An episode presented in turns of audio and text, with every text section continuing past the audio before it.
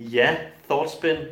I dag har vi jo lært, at Nordkorea har affyret et missil ind over Japan. Og det er jo utrolig interessant. Men spørgsmålet er, hvorfor gør de det? Altså, det bunder jo øh, i bund og grund i noget historie, i, i kraft af, at det er jo en arv efter Koreakrigen. Og Koreakrigen er jo i sig selv et arv efter 2. verdenskrig, hvor øh, da Japan de mister deres koloniimperium, så bliver Korea jo uafhængigt. Og Korea udvikler sig derfra til to stater, det kommunistiske i nord, støttet af Sovjetunionen og Kina, og det kapitalistiske i syd, støttet af USA og Vesten. Så Nordkorea var faktisk en japansk koloni Ja, Japan øh, på det tidspunkt forsøgte jo at efterligne Vesten, og da Vesten havde et koloniimperium, så så Japan det jo også som en naturlig del af sin vestliggørelse. De skulle have et koloniimperium. Så i slutningen af 1800-tallet begyndte de at Europa og indlemme øh, Taiwan, og øh, Korea blev gradvist indlemmet. Så efter 2. verdenskrig, da det japanske koloniimperium bryder sammen, så har man ikke fået aftalt ordentligt, hvad der skal ske med Korea. Så resultatet bliver, at Korea bliver delt op i et Nordkorea, der er kommunistisk, og et Sydkorea, der er kapitalistisk hvor Nordkorea blev beskyttet af Sovjetunionen og Kina, og Sydkorea blev beskyttet af USA. Og det bryder ud i en krig, da Nordkorea i 1950 begynder at invadere Sydkorea, og de får taget det meste af Sydkorea på nær spidsen, da USA og en række vestlige lande vælger at træde ind, og de begynder så at presse Nordkorea hele vejen op til øh, grænsen til Kina, hvorfra Kina så vælger at træde ind i krigen, da de er bange for, at det vil gå over deres land. Og de formår at presse krigen tilbage til den grænse, som ligger i dag, som også var cirka startstedet for konflikten. Øh, og det er stadig den, man får så indgået en våbenhvile, og det er stadig den, der er i kraft, men der er ikke nogen officiel fred. Så i teorien på papiret har de to lande været i krig siden 1950'erne, og det er den konflikt, der kører så nu til den de er dag. faktisk stadig i krig, de to lande. De er stadig i krig, i hvert fald på papiret. Du sagde, at de to koreaer, der så opstod, det var ikke kun to politiske forskellige systemer, men også økonomiske forskellige systemer. Det er korrekt. Altså, du har det kommunistiske nord og øh, med deres planøkonomi, og så har du det kapitalistiske system nede i syd. Og det interessante er jo, når man kigger på de her to økonomier. I dag så er Sydkorea jo blevet et meget rigt land på linje med de fleste europæiske lande, hvor Nordkorea det er jo ludfattigt, og folk sulter. Men det interessante er jo, at det startede jo faktisk ikke med at være så forskelligt. De to økonomier efter 2. verdenskrig, de fuldtes jo faktisk ad meget, meget tæt indtil oliekrisen i øh, starten af 1970'erne, hvor, der, hvor Sydkorea stort set upåvirket bare fortsætter vækst frem til i dag. Men Nordkoreas vækst, den stopper fuldstændig i starten af 1970'erne med oliekrisen, og så er det simpelthen en flad BNP hele vejen uden vækst ind til øh, Sovjetunionens sammenbrud, hvor økonomien i Nordkorea den fuldstændig kollapser og har været nedadgående siden. Det er jo super interessant.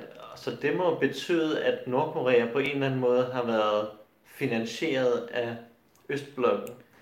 Den har i hvert fald øh, fået en del støtte fra øh, Sovjetunionen i kraft af, at der var den kolde krig, hvor øh, man fra Kina og øh, Sovjetunionens side var nødt til at hjælpe sine kommunistiske allierede i kamp mod USA. Men uden den støtte i dag, så er Nordkorea jo kollapset og blevet i hvert fald økonomisk ligegyldig på den store scene. Og det er jo netop derfor, at de nu prøver med atomvåben og militærmagt i stedet for økonomi at gøre sig selv betydelige. Så efter Sovjetunionens sammenbrud, så skulle man jo tro, at Kina havde overtaget øh, Sovjetunionens rolle som sponsoren af Nordkoreas økonomi. Men var det virkelig sådan, det skete? Altså, Kina er jo i dag øh, Nordkoreas øh, hovedimportør. Og det er især kul, de importerer fra øh, Nordkorea, da Kina skal dække sit energibehov. Men i kraft af, Sydkorea vokset så meget, som den er økonomisk, og Kina, øh, siden Deng Xiaoping er kommet til, øh, har åbnet op ud til verden, altså fra 1980'erne af, øh, så er de jo især begyndt at handle meget med Sydkorea. Og ja. det, øh, Sydkorea fylder utrolig meget i Kinas økonomi, hvor Nordkorea er stort set ubetydelig. Så rent økonomisk har Kina ikke nogen interesse i Nordkorea. De vil helst have den bare forsvandt fra landkortet, øh, for den giver bare en masse besvær i forhold til øh, deres relation til Sydkorea. Det, der er Kinas store problem, det er, at Nordkorea nu har udviklet atomvåben, og det har ved en militær trussel også mod Kina. For vi snakker meget om, hvordan de atomvåben kan ramme Seoul, eller Japan, eller USA. Men man skal også huske, de kan også flyve den anden vej. De kan også ramme Beijing. Og det er jo noget, som øh, går kineserne meget på. Så det er også derfor, vi har oplevet her for nylig, at Kina som en straf mod, øh, mod Nordkorea har valgt at lukke for al import af kul, som jo udgør en tredjedel af Nordkoreas eksportværdi, hvoraf 98% af kuleksporten går netop til Kina. Derfor har det en meget stor øh, økonomisk øh, slagside, når Kina vælger at lave den her boykot. Så det er lidt ligesom det, man kalder mutual assured destruction, hvor man har en rationel aktør, der har et atomvåben, over for en anden rationel aktør, der har et atomvåben. Og de her aktører, de kan være noget så uenige og sure og vrede på hinanden, men fordi de har hver især atomvåben, så har de muligheden for at udslette den anden. Så det vil sige, at hvis USA vælger at kaste atomvåben ned over Nordkorea, så kan Nordkorea vælge at kaste atomvåben ned over USA. Nemlig, det vil nok ikke betyde en total udslettelse af USA, men hvis det bare gør ondt nok, så er det noget, der betyder noget. Ja. Fordi der er ingen tvivl om, at hvis Nordkorea går i krig med andre lande, så vil Nordkorea tabe. Men problemet er bare, at de andre lande vil jo vide, at de får en atomraket tilbage i hovedet. Og det vil jo også gøre pænt ondt. Og dertil kommer jo, øh, Kina er meget bekymret for at se en flygtningsstrøm i tilfælde af en krig med Nordkorea, da de jo netop deler en grænse med Nordkorea. Og Nordkorea har jo stadig en relativt stor befolkning, så det er jo noget, der kommer til at også betyde noget for Kina især, hvis der opstår en konflikt. Og dertil kommer jo, at Nordkorea, de har jo ikke længere nogen international allieret overhovedet af nogen betydning. Så det er derfor, de er nødt til at have de her A-våben, for det er deres eneste garant mod at blive invaderet.